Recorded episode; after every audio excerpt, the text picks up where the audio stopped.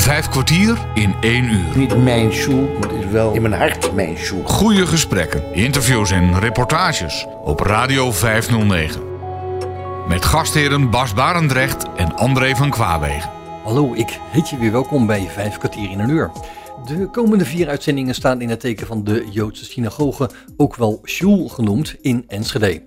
Bas nam een kijkje in dit imposante gebouw, sprak daar met vrijwilligers en reisde af naar Amsterdam om Jaap Hartog, de voormalig voorzitter van de Joodse gemeente in Enschede, aan de tand te voelen over deze synagoge en het Joodse geloof.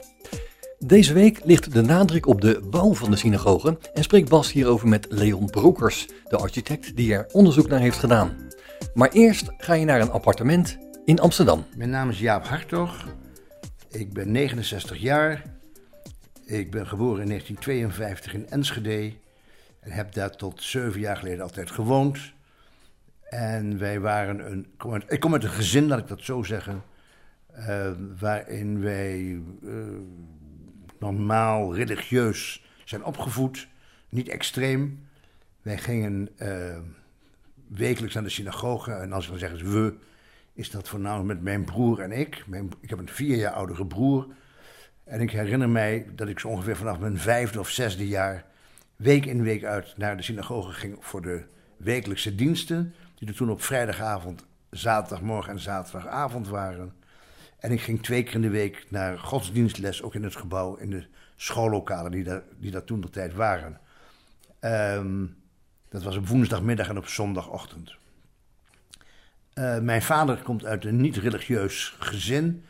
Uh, mijn vader uh, heeft de oorlog overleefd door ja, in Auschwitz gezeten. En wilde eigenlijk maar weinig met het Jodendom te maken hebben. Maar trouwde toch met een Joodse vrouw, mijn moeder. Die uit een orthodox Joods nest kwam, beide uit Brabant. mijn moeder heeft ons orthodox opgevoed en mijn vader heeft dat altijd toegestaan. En is later veel over het Jodendom gaan lezen. En gaan interesseren in het Jodendom. En werd op een gegeven moment gevraagd om deel uit te maken van de toen nog bestaande kerkenraad van de uh, synagoge, van de Joodse gemeente. Je had een dagelijks bestuur van drie man en een kerkenraad van vier man. En mijn vader werd gevraagd om daar in plaats te nemen. Uh, al heel snel daarna werd hij in het dagelijks bestuur benoemd tot vicevoorzitter van de Joodse gemeente. En toen de toenmalige voorzitter uh, naar Israël ging om te wonen op, hoge leeftijd, met zijn vrouw verhuisde naar Israël, werd mijn vader voorzitter van de Joodse gemeente. Uh, ik werkte met mijn vader samen in een bedrijf. En ja, uh, ik was veel met mijn vader samen en kreeg dus heel veel mee van het wel en wee van de Joodse gemeente. en dan zeg ik echt wel en wee, leuke dingen en minder leuke dingen, die hij soms telefonisch voerde uh, daar zat ik dan bij en kreeg het mee. En ja, dat was gewoon zonder dat het ooit verteld is, was het een geheimhoudingsplicht. Dat ging niet door, wat het ook was. Uh, mijn vader uh, werd ziek, kreeg een, een herseninfarct en had, kreeg een spraakgebrek. Is nog eventjes voorzitter van de Joodse gemeente gebleven. officieel moest je na vier jaar aftreden, maar dat was gewoon een ja, uh, gewoon dat, die, dat dat verlengd werd. En na een jaar of 18 uh, in dat bestuur, in dat, ja, in voorzitter zijn geweest, uh, wou mijn vader stoppen. En zou eigenlijk de toenmalige vicevoorzitter voorzitter hebben moeten worden. Maar die wilde niet. En die kwam bij mij en zei van Jaap, doe jij het maar. En zo werd ik eigenlijk vanuit, ja, niet in het bestuur gezeten hebbend werd ik zo in één keer van niks werd ik voorzitter van de Joodse gemeente. Dat was een, dat was een moeilijke start, ondanks dat ik er toch veel van wist.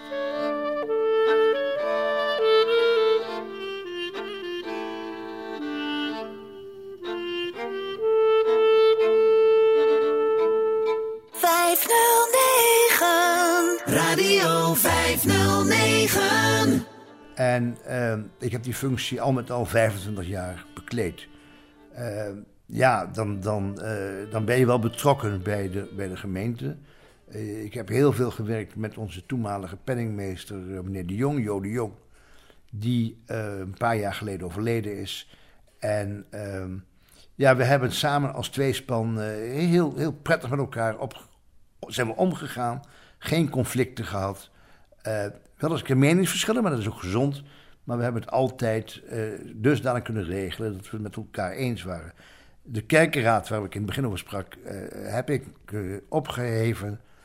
En we hebben toen een vijfmans bestuur geformeerd. Dat werkte veel beter dan drie man bestuur en vier man kerkenraad. Ook al omdat de, het ledental van de gemeente decimeerde. de oorlog heeft in Enschede behoorlijk huis gehouden. van, van een 1300 Joden in 1940, gedecimeerd tot 550 leden in 1945. Dat is nog een behoorlijk, uh, behoorlijk aantal mensen die, die de oorlog overleefd hebben.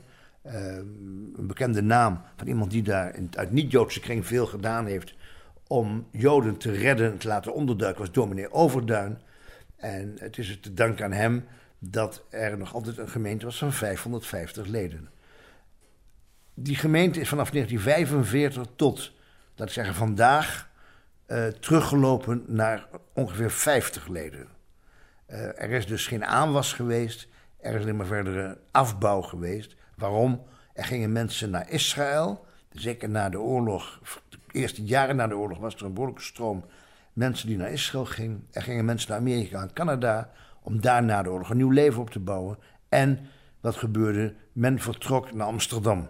Jongeren vertrokken naar Amsterdam, men ging studeren.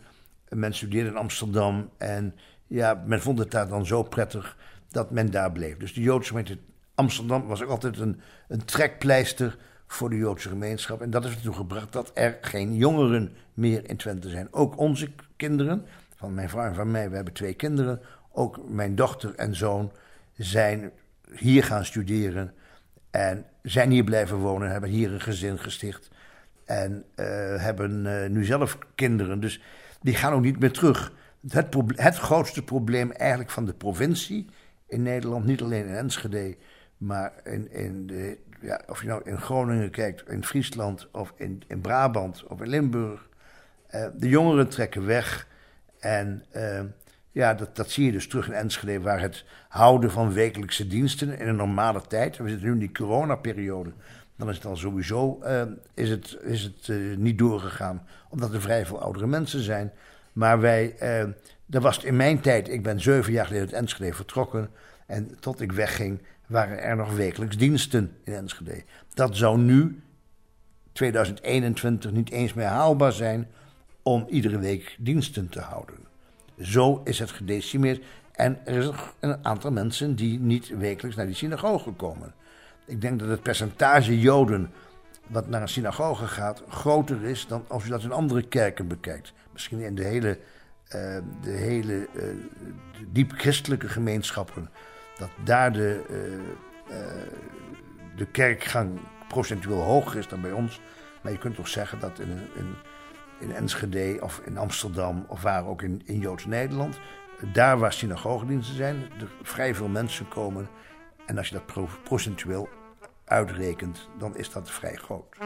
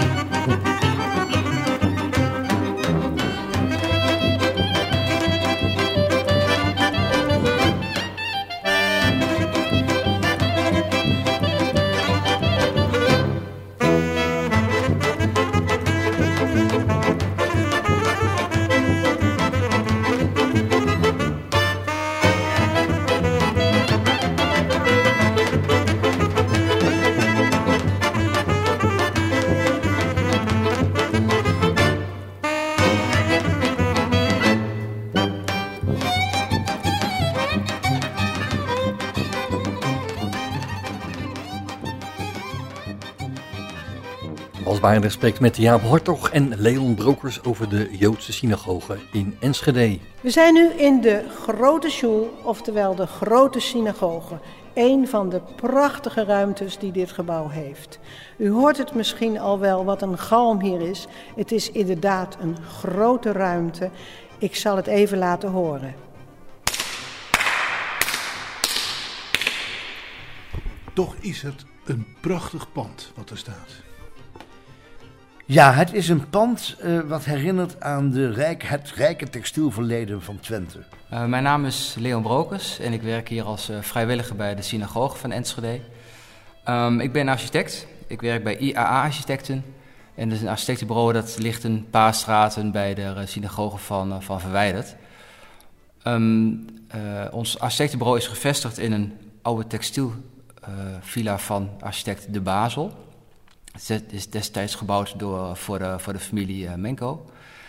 En uh, een aantal jaar geleden ben ik me dus gaan verdiepen in het werk van de architect uh, De Basel. Een aanleiding dus van, van onze villa.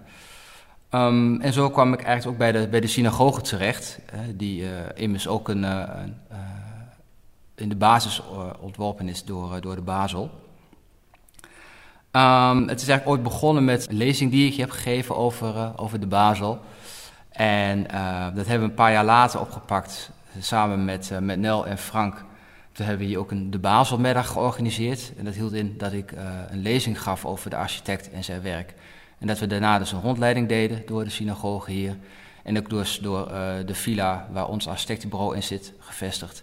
En de villa aan de overkant van de straat, die ook door de Basel ontworpen is, uh, voor, uh, ook voor een, uh, iemand van de familie Menko. Kun je daar iets over vertellen? Je bedoelt over de, de, de, de villa's of over de gebouwen? Ja, het is, nou, het is zo dat de, de familie Menko, dat was een van de textielfamilies hier in, in Enschede. En dit was dan ook de firma NJ Menko. En er waren dus vier broers die waren directeur bij die fabriek. En de firma NJ Menko was dus de, ja, de best draaiende textielfirma, Joodse textielfirma hier in, in, Enschede. En er was één broer, dat was Sigmenko. En die had een huis in de binnenstad. En het huis is in 1914 is het afgebrand. En die moest dus natuurlijk een nieuw huis laten bouwen voor zijn, voor zijn gezin.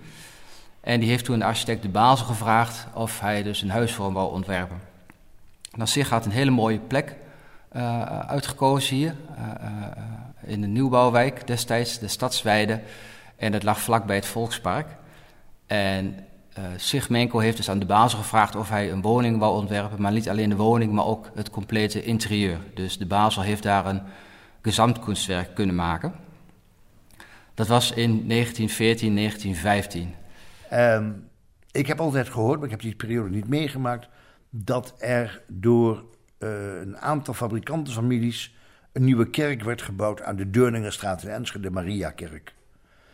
En die textielfabrikantenfamilies werden geloofd en geprezen voor hun vrijgevigheid.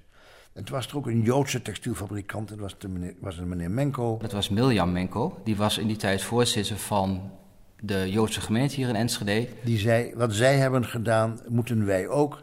En wij, alleen van ons, moet hij nog mooier en nog groter worden. En de Joodse gemeente die maakte destijds nog gebruik van de oude synagoge die in de binnenstad stond. Die was gebouwd uh, vlak na de stadsbrand van 1862. En die synagoge die begon onderhand ja, verouderd te raken en hij werd ook te klein. Omdat de Joodse gemeenschap in die tijd, net als de rest van Enschede, uh, groeide qua aantal. En um, toen heeft Miljan Menko heeft toen de Basel benaderd met een vraag van... Kun je voor ons een plan ontwerpen voor een nieuwe synagoge? En die moest dan destijds, uh, zou die dan achter de oude synagoge in de binnenstad uh, moeten komen.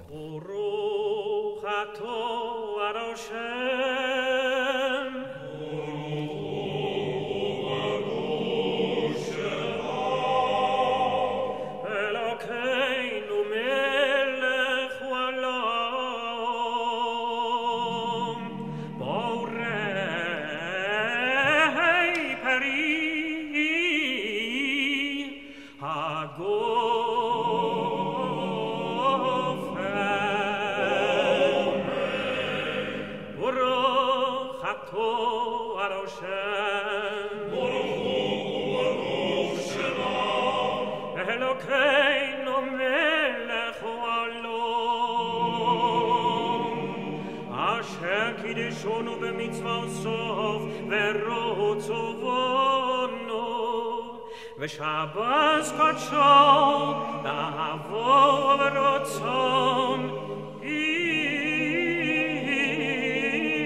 אין חילונו זיכורון למעשי בראשית.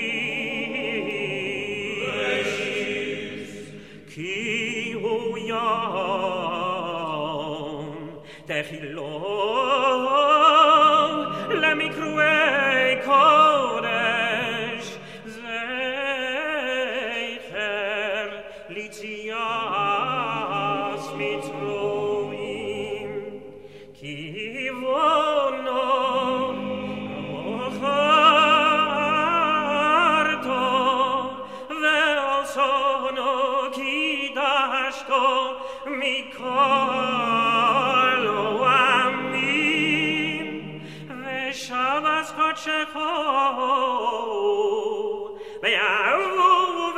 Oh.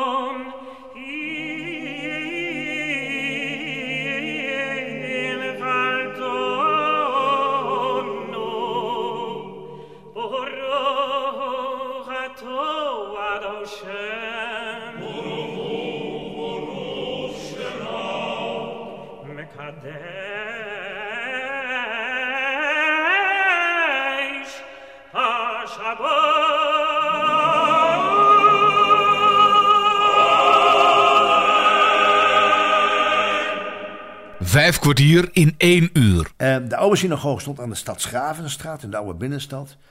En de gemeente Enschede wilde niet dat daar nieuwbouw gepleegd werd in die oude binnenstad. Die wilde men renoveren. En ja, tot vandaag de dag zijn het altijd nog die smalle steegjes die in die tijd ook waren. Dus eigenlijk is dat nooit van de grond gekomen. Maar wij werden verbannen, zo heb ik het altijd genoemd, naar de rand van Enschede. Dat was de wijk de Stadswei. Daar kregen wij een perceel grond aangewezen. En daar hadden wij ruimte om een synagoge te maken. Dat was toen de rand van Enschede. Dat was toen de rand van Enschede. En ja, zoals alle ja, steden in Nederland zijn die enorm uitgebouwd. En ook Enschede is nu, ja, het is niet helemaal centrum, maar het ligt toch redelijk dicht tegen, tegen het centrum aan. Eh, daar werd een stuk grond eh, eh, aangeboden, dat werd gekocht.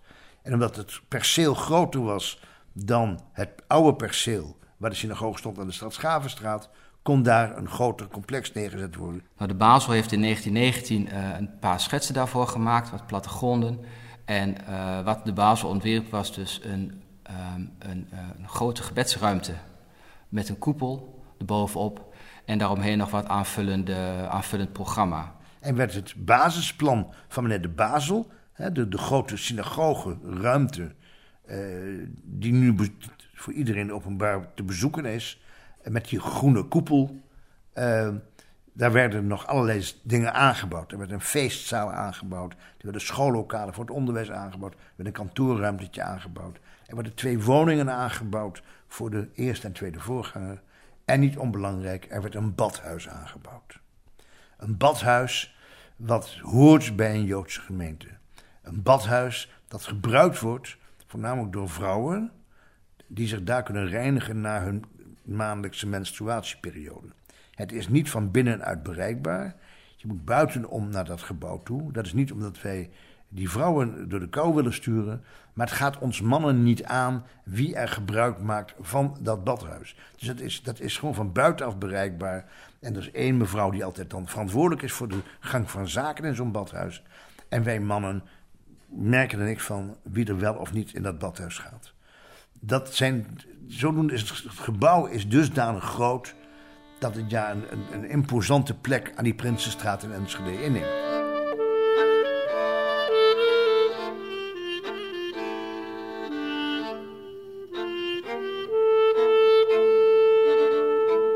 Ehm, nou, het lastige in die tijd was toch nog wel de financiering. Want het zou natuurlijk best wel duur eh, worden om zo'n eh, om zo'n eh, nieuwe synagoge te bouwen. Dus het project heeft toen een tijd stilgelegen. Vervolgens heeft in 1923 heeft Miljan Menko aan de Basel gevraagd of hij voor hem ook een woning wilde ontwerpen. Nou, dat, is dus, eh, dat heeft de Basel dus ook gedaan. En nou ja, zo staan dus twee prachtige panden aan de, aan de Trompelaan hier in Enschede van, van de architect De Basel. Die staat tegenover elkaar. Heel mooi gelegen ook vlak langs het, naast het Volkspark. Nou, uiteindelijk heeft men in 1924 toch weer de plannen voor de synagoge opgepakt. Helaas was de Basel in 1923 overleden, dus die heeft het zelf niet meer uit kunnen werken.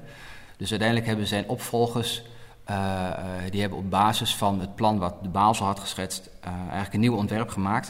En uiteindelijk ook op een nieuwe plek, dat is hier in de Prinsenstraat. Dat is een plek waar men veel meer ruimte had en waar ook nog allerlei aanvullende functies bij konden worden gebouwd. Zoals bijvoorbeeld een feestzaal, waar we nu zitten, een schooltje en twee woningen. Dus er was veel meer ruimte voor een groter complex. En, en uiteindelijk is in 1928 is het complex hier ter plekke dus in gebruik genomen. Wat, wat kostte het toen? Ik meen uit mijn hoofd dat het rond de 4 ton heeft gekost in guldens in die tijd. Maar het is wel aardig om te weten dat, uh, want men heeft het hele gebouw uh, in een jaar gebouwd, wat volgens mij ontzettend snel is. maar het is wel aardig om te weten dat bijvoorbeeld de villa van Mirjam Menko, dat is dus de villa waar ons kantoor in zit, die is een paar jaar eerder gebouwd. En die heeft in totaal 2 ton gekost destijds in guldens. Dus het was eigenlijk maar de helft van het hele complex wat hier gebouwd. Dus uiteindelijk vielen volgens mij de prijzen hier nog wel, uh, vielen nog wel mee, ondanks de afmetingen. Vijf kwartier in één uur. Bas Barendrecht spreekt met Jaap Hartog, voormalig voorzitter van de Joodse gemeente in Enschede en de architect Leon Brokers, die onderzoek heeft gedaan naar de geschiedenis van de Joodse synagoge in Enschede. Straks hoor je Leon vertellen over de maquettes die hij heeft gemaakt en die onderdeel zijn van de rondleiding en die ook uitermate geschikt zijn voor de bezoekers met een visuele beperking. Maar eerst gaan de heren nog door met de bouw van de shul, oftewel de synagoge. Op Radio 509. Het gebouw is dus um, aan de buitenzijde is het gebouw van, van, van baksteen en van, uh, en van uh, natuursteen, natuurstenen uh, randen daarin. En het geheel wordt afgedekt door een aantal koepels die zijn bedekt met koper. Een paar jaar geleden, voor de restauratie, waren ze nog groen. Maar inmiddels zijn ze, zijn ze vervangen. Is het, koper, het is nieuw koper en het is nu nog bruin. En het zal ooit in de loop der tijd wel weer groen worden, maar dat duurt nog een paar jaar. Uh, van binnen is, is, de, is natuurlijk in het gebouw zijn vele verschillende materialen gebruikt. Hè. Er ligt bijvoorbeeld, als je bijvoorbeeld kijkt naar de hal, daar ligt marmer op de vloer in twee verschillende kleuren, in zwart en in, in wit. En het marmer is ook gebruikt tegen, tegen de wanden. Als we de, kijken naar de grote sjoel, um, daarvan is het aardige. Daarvan heeft de Basel heeft destijds ook al bij zijn schets nog een begeleidend schrijven gedaan. En die heeft gezegd van nou, die ruimte zie ik als volgt vormen. Een lambrisering, een hoge lambrisering van eikenhout. Daarboven stukwerk in wit of lichtblauw. En dit versierd met goud mozaïek in de, indien uh, uh, het financieel uh, mogelijk is. en dat dan ook weer in allerlei verschillende symbolen. nou, dat is eigenlijk wat de Basel erover gezegd heeft. En zo is uiteindelijk de ruimte ook uitgevoerd. Hè, wat is inderdaad met, een, met een eiken lambrisering. en daarboven dus een, een vrij grof stukwerk, wat een beetje ja, blauw-grijs is. En uh, in, die, in, die, in het stukwerk steek eigenlijk alle, alle uh, goudmozaïeken. Dat, dat is gemaakt met van hele kleine steentjes. Kleine glassteentjes met een laagje goud erop. En dat zijn allemaal steentjes van een centimeter bij een centimeter. En daarmee zijn allerlei patronen gemaakt waarmee dus de ruimte versierd is. En het zijn soms sierpatronen, maar ook wel weer eens specifieke Joodse symbolen zoals Davidsterren. En bijvoorbeeld in de nis van de ark, daar staan bijvoorbeeld ook twee zegenende handen afgebeeld. Dat zijn twee handen van de priester en die maken dus dan de V-vorm. Dus dat is bijvoorbeeld ook verwerkt in de, in de versiering. Uh, ook hangt er een hele mooie grote lamp, een kroonluchter hangt er aan de, hangt er aan de koepel. En uh, wat je dus in het gebouw heel veel ziet is uh, het gebruik van ja, bijzondere getallen. Getallen die je steeds weer terug ziet komen, bijvoorbeeld 3 en 4. Nou ja, 3 keer 4 is 12. Hè, dus, en dat komt bijvoorbeeld terug in uh, de twaalf stammen van, uh, van Israël. Maar dat komt bijvoorbeeld ook weer terug in de twaalfhoekige uh, koepel die op het gebouw zit. Er staan bijvoorbeeld ook lampen op de bima. Dat zijn dus vier groepen van drie lampen, dus ook weer twaalf lampen. bij de ark heb je een trap voor liggen en het zijn zeven treden, dat is weer drie plus vier. Dus op die manier zijn dus heel veel getallen zijn dus verwerkt in het, in het, in het gebouw. De, de stijl waarin de basis ontwierpen, dat zou je kunnen rekenen tot, tot de Art Deco. En dat is een, een, een wat, wat zakelijker, wat strakkere stijl dan bijvoorbeeld de Jugendstil, hè, die we dus daarvoor hadden, de Art Nouveau. En um, ja, als je gaat kijken qua, qua bouwstijlen, het, het, het, het, wordt ook wel gerekend tot het, tot het rationalisme. En dat is eigenlijk dezelfde bouwstijl die dus ook uh, Berlage gebruikte. Ik denk wel een van de bekendste architecten van, van Nederland. En het kenmerk daarvan is dat het wel versierd is, maar vrij sober. weinig tierlantijntjes. Um, en ook wel vrij veel geometrische vormen die je dus, die je dus eigenlijk in zijn, zijn gebouwen terug, terug ziet. Wat wel aardig is, um, er zijn natuurlijk wel meer synagoges gebouwd, met name bijvoorbeeld in, in de 19e, uh, 19e eeuw.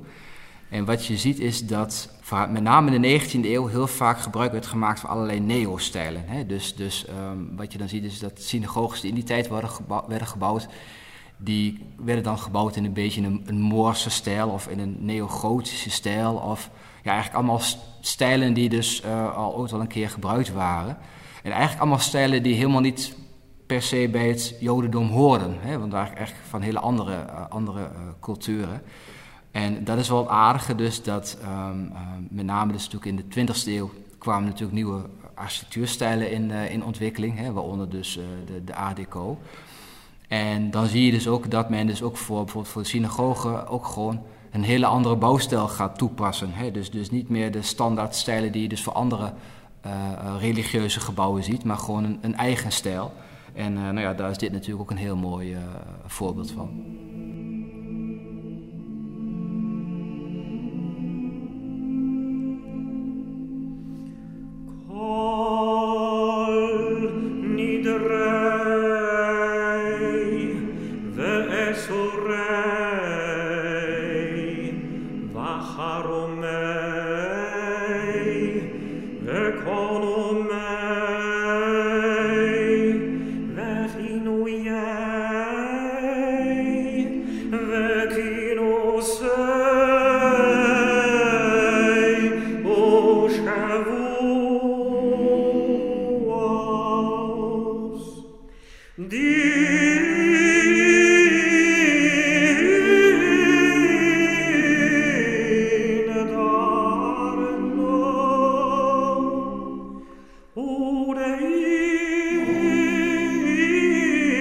stelle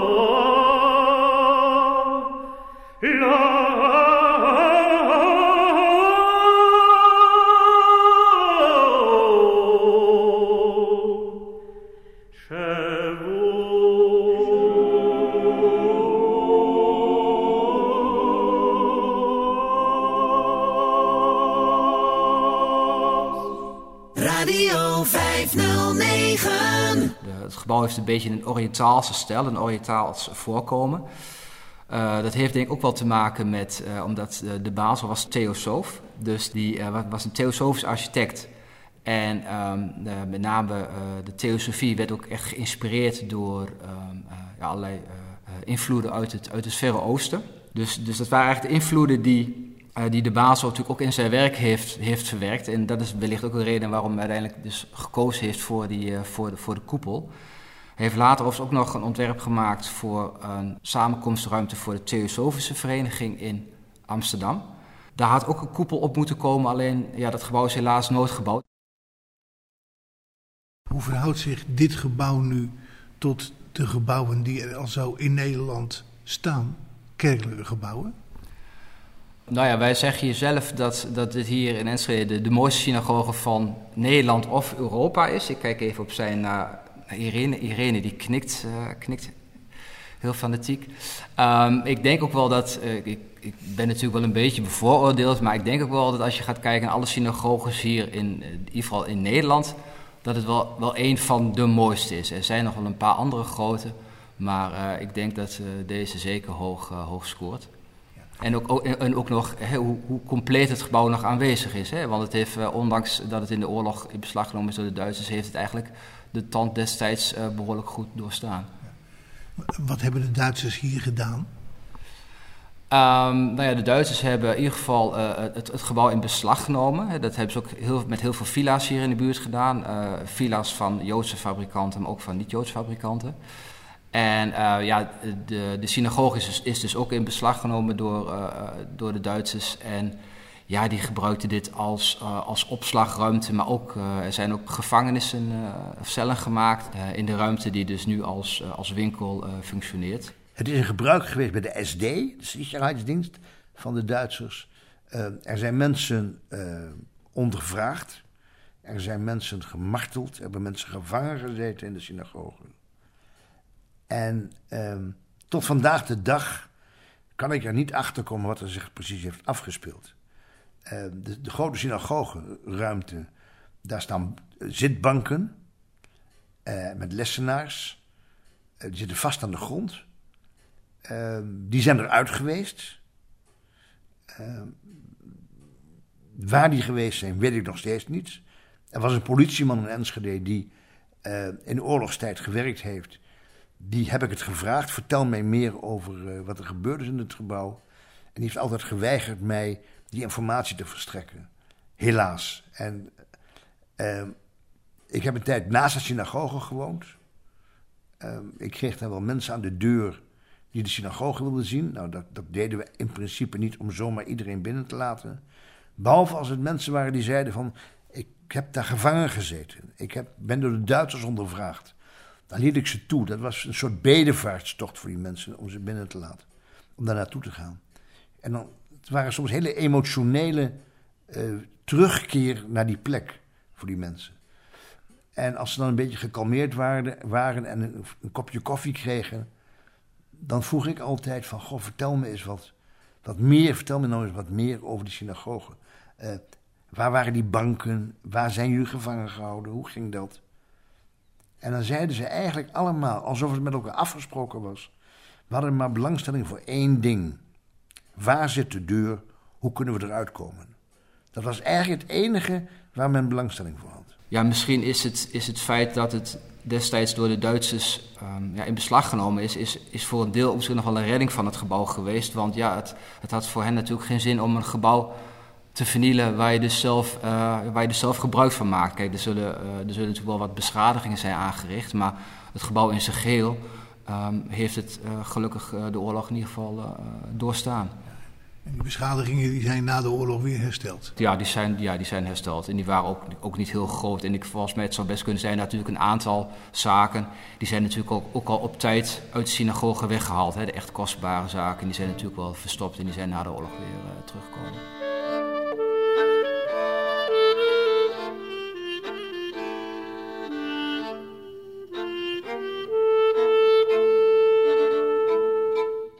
Bij vijf kwartier in een uur spreekt Bas Baardrecht met Jaap Hartog en Leon Brokers over de Joodse synagoge in Enschede. En jij bent nu degene die voor deze uh, gemeenschap zeg maar, dit soort zaken bijhoudt. En...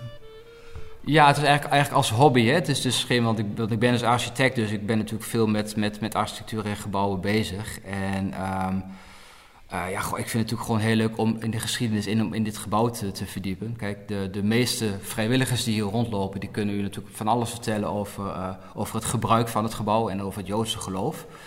Daar weet ik wel iets van, maar ja, wel wat minder. En ik, ja, goh, ik ben natuurlijk meer in het, uh, ja, in het, in het gebouw geïnteresseerd van hoe, hoe is het ontstaan hè, en, en hoe zit het gebouw eigenlijk dus in elkaar. En op die manier probeer ik dus eigenlijk ook een bijdrage, bijdrage te leveren, dus door middel van lezingen. Maar bijvoorbeeld ook door middel van, van, van tekeningen en bijvoorbeeld maquettes. Hè, om het gebouw dus inzichtelijk te maken. En het geldt dus voor uh, mensen, met, uh, mensen die kunnen zien, maar ook sinds kort dus voor mensen met een, met een visuele beperking. Want daar heb je ook het een en ander voor gemaakt. Dat hebben we allemaal voor ons liggen. Misschien kun je daar wat over vertellen. Ja, nou, het is eigenlijk een paar jaar geleden begonnen. Want uh, ja, je zou haast kunnen zeggen, ik ben een beetje een, volgens mij een, vliegende kiep hier bij de, uh, bij de vrijwilligers. Ik, uh, ik kom af en toe een keer aanwaaien. En toen ik hier een paar jaar geleden was, was er toevallig ook net een rondleiding. En bij die groep daar zaten ook een aantal mensen die dus een visuele beperking hadden. En um, goh, kijk, je kunt natuurlijk het verhaal kun je wel vertellen, maar ik zag dat en ik denk van, goh, misschien zou het wel heel mooi zijn als we nog iets zouden kunnen maken, wat je als ondersteuning zou kunnen maken voor, uh, voor mensen van, van die doelgroep, als ze dus hier komen. Dus toen dacht ik van, nou, wat zou je daarvoor moeten maken? Nou, en dat waren eigenlijk twee dingen. Dat was eigenlijk een, uh, wat mij handig leek, dat was dus een, een, plattegrond hè, uh, in, in relief, zodat mensen kunnen voelen van, goh, hoe zit het gebouw nou in elkaar? En een massamaquette van de buitenkant van het gebouw, zodat je kunt voelen van, goh, hoe ziet het er aan de buitenkant uit? Hè, hoe zit het met de koepels en hoe is eigenlijk de, de, ja, de, de, de vormopbouw van het, uh, van het gebouw. Nou, die heb ik een paar jaar geleden heb ik die gemaakt. Die is ooit al een keer, uh, beide maquettes zijn ooit al een keer getest, een paar jaar geleden keer met een behoorlijk grote groep. Ik geloof met, ik geloof met, met 20 personen inderdaad. Uh, er waren dus inderdaad mensen met een visuele beperking en hun begeleiders die waren hier. En die hebben dus toen inderdaad na de rondleiding ook aan de maquette kunnen voelen en ook kunnen voelen van hoe, hè, hoe zit het gebouw nou eigenlijk in elkaar. En um, dit jaar hebben we gedacht van goh, misschien moeten we daar nog iets, iets verder mee doen. Hè, en, en eens kijken, want kijk, ik heb natuurlijk deze modellen gewoon op, op gevoel gemaakt waarvan ik denk wat handig is. Maar ik heb natuurlijk zelf geen visuele beperking, dus ik weet natuurlijk niet hoe iemand uh, het op die manier beleeft. Ik kan het alleen maar zo goed mogelijk maken. En toen hebben we eigenlijk met twee uh, mensen met een visuele beperking hebben we gekeken van goh, hey, hoe, kunnen we, uh, hoe kunnen we toch nog ons materiaal die we hebben, hoe kunnen we die dus beter maken? Ja. En bijvoorbeeld een van de dingen die eruit bleek was bijvoorbeeld dat uh, de maquettes die ik al een paar jaar geleden gemaakt had, dat die waren vrij groot. Wat, ja, wat voor sommige mensen misschien toch weer het lastig gemaakt omdat ze zeggen van ja, goh, we raken eigenlijk een beetje het overzicht raken we kwijt. Hè? Want het is, het is niet niet handzaam, niet behapbaar. Het is zo groot. Dus we hebben gekeken van, goh, misschien kunnen we het op een kleinere schaal, uh, op een kleinere schaal maken. Nou, dus eigenlijk in eerste instantie begonnen met een massamodel van de buitenkant van het, uh, van het gebouw. Uh, daar had ik ooit al een keer een heel lief klein uh, modelletje van gemaakt, ook voor, ook voor Irene. en we hebben, want we hebben namelijk sinds een paar jaar een 3D-printer op kantoor. Dus ja, je kunt eigenlijk allerlei vormen die je bedenkt, kun je, kun je daar heel makkelijk mee, mee 3D-printen. Dus van, van, van, die, kleine, van die kleine maquetten uh, heb ik dus een vereenvoudigde versie gemaakt. En ook gezorgd dat, hij natuurlijk een beetje, dat er geen scherpe hoeken en zo aan zitten. Maar het is eigenlijk een heel mooi klein handzaam maquettetje... wat mensen ook letterlijk in hun hand kunnen houden. Waarmee ze dus in één keer uh, eigenlijk het, het, het, het, hele complex eigenlijk in de vingers hebben. Ook, ook letterlijk. Hè, en kunnen voelen van hoe zit het nou in elkaar. En als aanvulling heb ik daarna ook nog weer een nieuwe plattegrond gemaakt, ook in braille... En die hebben op uh, schaal uh, of ter grootte van een A4'tje gemaakt. En die stil ik op een plank.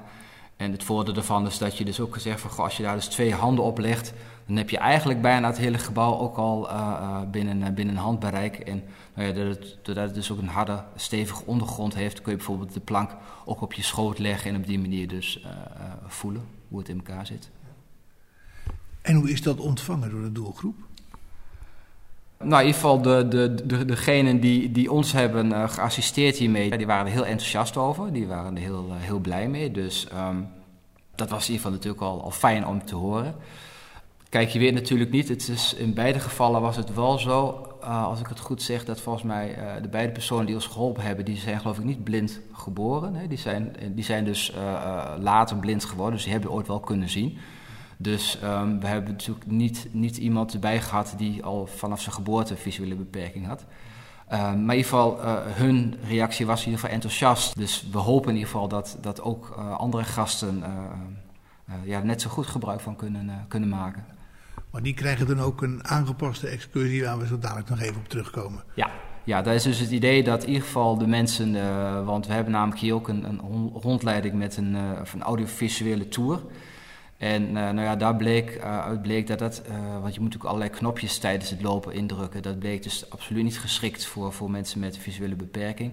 Dus daarvan hebben we gezegd van, goh, we zorgen gewoon dat de tekst in die rondleiding, dat de mensen die van tevoren ontvangen, zodat ze in ieder geval al een beetje informatie hebben, achtergrondinformatie. En op het moment dat ze dus hier komen, dat we dus bijvoorbeeld die maquettes in ieder geval ter, ter beschikking hebben. Dat mensen dus kunnen voelen. En uh, ja, ook, ook de rondleidingen, hè, die worden dus daar ook op, op aangepast. Dat het vooral toch weer net even iets anders is dan uh, in de reguliere rondleiding.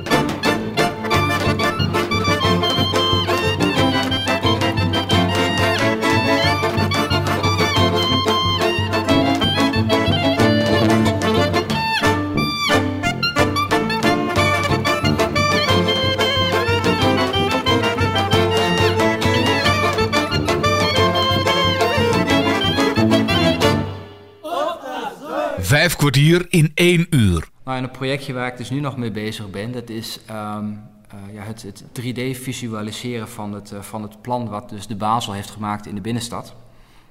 Uh, zoals gezegd, ik heb de schetsen van de Basel. En er is ook een begeleidend schrijven van de Basel bij een gegeven moment over hoe hij het gebouw gedacht had. En eigenlijk op basis van die schetsen en ook van andere plannen die de Basel gemaakt heeft, ja, ben ik nu eigenlijk een, een, een 3D-model aan het maken. Uh, die ik dus op die plek wil maken zoals uh, die oorspronkelijk bedacht was. Um, maar ik ben nu nog bezig met het gebouw, maar ik heb voor mezelf wel een paar proefbeelden gemaakt. En dan zie je toch op een gegeven moment dat, uh, ja, natuurlijk dan toch wel een behoorlijk indrukwekkende koepel, die staat dan eigenlijk in de binnenstad, hè, tussen alle gebouwen. En ehm, als ik heel eerlijk moet zijn, ik denk wel dat het goed is dat uiteindelijk eh, het gebouw op een andere plek eh, gekomen is. Hè? Dus op de plek ook waar die nu staat. Hè? Omdat natuurlijk dan toch het gebouw in de koepel ja, veel beter tot zijn recht komt dan, uh, nou ja, dat, dan, dat, dan het geval was geweest in de binnenstad. Maar ja, goh, ik vind het gewoon heel leuk om met het, met het gebouw bezig te zijn. Dus ehm, ja, dat doe ik ook eigenlijk ook al in, in, mijn, in mijn vrije tijd. En je zegt de Basel, daar werk je ook. Is er nog iemand van, vanuit de familie of is die familie niet meer actief? Van de familie De Basel is verder qua architectuur is niemand daar meer in, in actief. Voor zover ik weet, volgens mij had De Basel twee of drie dochters uit mijn hoofd gezegd. En um, nou ja, goh, er, is, er is destijds dus een, een, een architectenbureau geweest, Smits en Van der Linden. Waarvan uh, een van de twee ook bij De Basel gewerkt heeft toen De Basel nog leefde. En zij hebben dus samen um, eigenlijk de projecten uh, van de Basel voltooid. Want de Basel is vrij onverwachts overleden in 1923 op 55-jarige leeftijd. Hij heeft een hartaanval gekregen. Toen zat hij in de trein op weg naar de begrafenis van collega-architect De Klerk. En ja, er waren natuurlijk een heleboel projecten die nog, die nog in uitvoering waren op dat moment. Dus uiteindelijk hebben de Smitsen van de Linden hebben dus uh, al die lopende projecten uh, verder voltooid. Wel helemaal in de stijl van de Basel, omdat ze natuurlijk al, ja, ze wisten hoe de Basel werkte en welke, welke, welke ja, welke vorm hij gebruikte. En uiteindelijk is dat dus ook het bureau geweest wat dus uh, de synagoge hier op deze plek ontworpen heeft. Zou het ook leuk zijn om te vertellen waarom er een koepel op staat? Waarom er een koepel op staat? Ja, nou kijk, het, het mooie is, uh, want het is, er zijn natuurlijk verschillende verhalen natuurlijk te vertellen, bijvoorbeeld over de, die, de, de gebedsruimte. Die is dus eigenlijk bestaat eigenlijk uit een, uit een halve kubus van 18 bij 18 meter. En daarbovenop zit dus nog een koepel met een doorsnede van 18 meter. Dus je kunt in principe in die ruimte kun je dus een bol maken van, ja, met 18 meter als diameter. En um, waarom is die ruimte 18 bij 18 meter? Nou, de precieze reden weet ik niet. Uh, kijk, het is zo als je gaat kijken naar de locatie waarop het eerste ontwerp gemaakt is ja, daar kon je eigenlijk ook maar een, ruimte maken die zo groot was. Want meer ruimte was er niet. En de Basel die werkte in die tijd ook heel vaak op, op stramine. Hier bijvoorbeeld heeft hij een stramin van, van, van 3 bij 3 meter gebruikt. Dus vandaar dat je dus eigenlijk ook op die 18 bij 18 bij 18 meter kwam. Um, een ander verhaal is dat 18 wel in de Joodse taal wel weer een heel bijzonder getal is. Dus je zou kunnen zeggen, het, ontwerp heeft wat dat betreft natuurlijk ook, ook meerdere, meerdere kanten. Het aardige is dus dat um, er zit natuurlijk heel veel symboliek in het gebouw. Uh, zoals gezegd, in de koepel hebben we natuurlijk bovenin het, het, teken van, of de letter van, van God. En dat wordt dus omringd door de tekens van de sterrenbeelden. En hoe verder je omlaag gaat, ga je eigenlijk van, je zou kunnen zeggen, je gaat eigenlijk van de hemel, ga je dus naar de aarde. Want de, de, de cirkel wordt ook gezien eigenlijk als een, als een hemelse vorm, terwijl dus de, het vierkant als een aardse vorm wordt, uh, wordt gezien. En de, de gebedsruimte is dus eigenlijk een ruimte waar dus zowel de vierkant als de cirkel bij elkaar komen. En um, je zou kunnen zeggen, de mensen zitten dus ook, hè, de, de bezoekers zitten dus in de, in de, in de vierkant, hè, dus eigenlijk in het, in het aardse gedeelte. En de, de voorganger die staat dus op de bima. En die bima bevindt zich dus weliswaar uh, op een iets verhoging. En daardoor, valt hij, daardoor staat dus de voorganger ook uh, in de cirkel die dus weer de koepel vormt. Dus je zou kunnen zeggen, ook symbolisch gezien, vormt dus degene die op de bima staat, vormt dus de verbinding tussen het aardse vierkante en de hemelse, ja, de hemelse cirkel, of de bol, hè, waar, dus, waar dus de ruimte uit bestaat. Is dat nu in andere synagoges ook zo? Alles wat je nu vertelt, is dat er dan ook, of is dat weer een ander stramien dan? Nee, dat is, um, ik ken zo snel geen andere synagoge die dit ook heeft. Kijk, het is wel heel vaak zo dat de synagoge vaak een vierkante ruimte is. Met, met, uh, met de bima dus uh, centraal. Dat heeft te maken of je een orthodoxe of liberale uh, synagoge hebt. Maar echt op die manier met, met een koepel erboven hè, en ook met al deze maten en deze hele symboliek, daar weet ik zo snel geen ander voorbeeld van. Niet in Nederland en ook niet ergens anders op de wereld. Het zou best kunnen zijn dat ze er zijn. Ik ken natuurlijk niet alle synagoges op de wereld, maar uh, volgens mij is wat dat betreft deze synagoge daarin wel, wel uniek. Volgende week hoor je meer over deze synagoge in Enschede en hoe het Joodse geloof tegenwoordig in Nederland beleefd wordt. Voor nu bedank ik je mede namens Bas Barendrecht voor het luisteren. En heb je overigens nog vragen of opmerkingen of wil je zelf wel eens aan het woord komen, dan kan je een mailtje sturen naar bas.radio509.nl. Geniet van de rest van deze dag, blijf luisteren naar Radio 509 en tot een volgende keer. Vijf kwartier in één uur is een programma van Bas Barendrecht. Techniek André van Kwaabegen.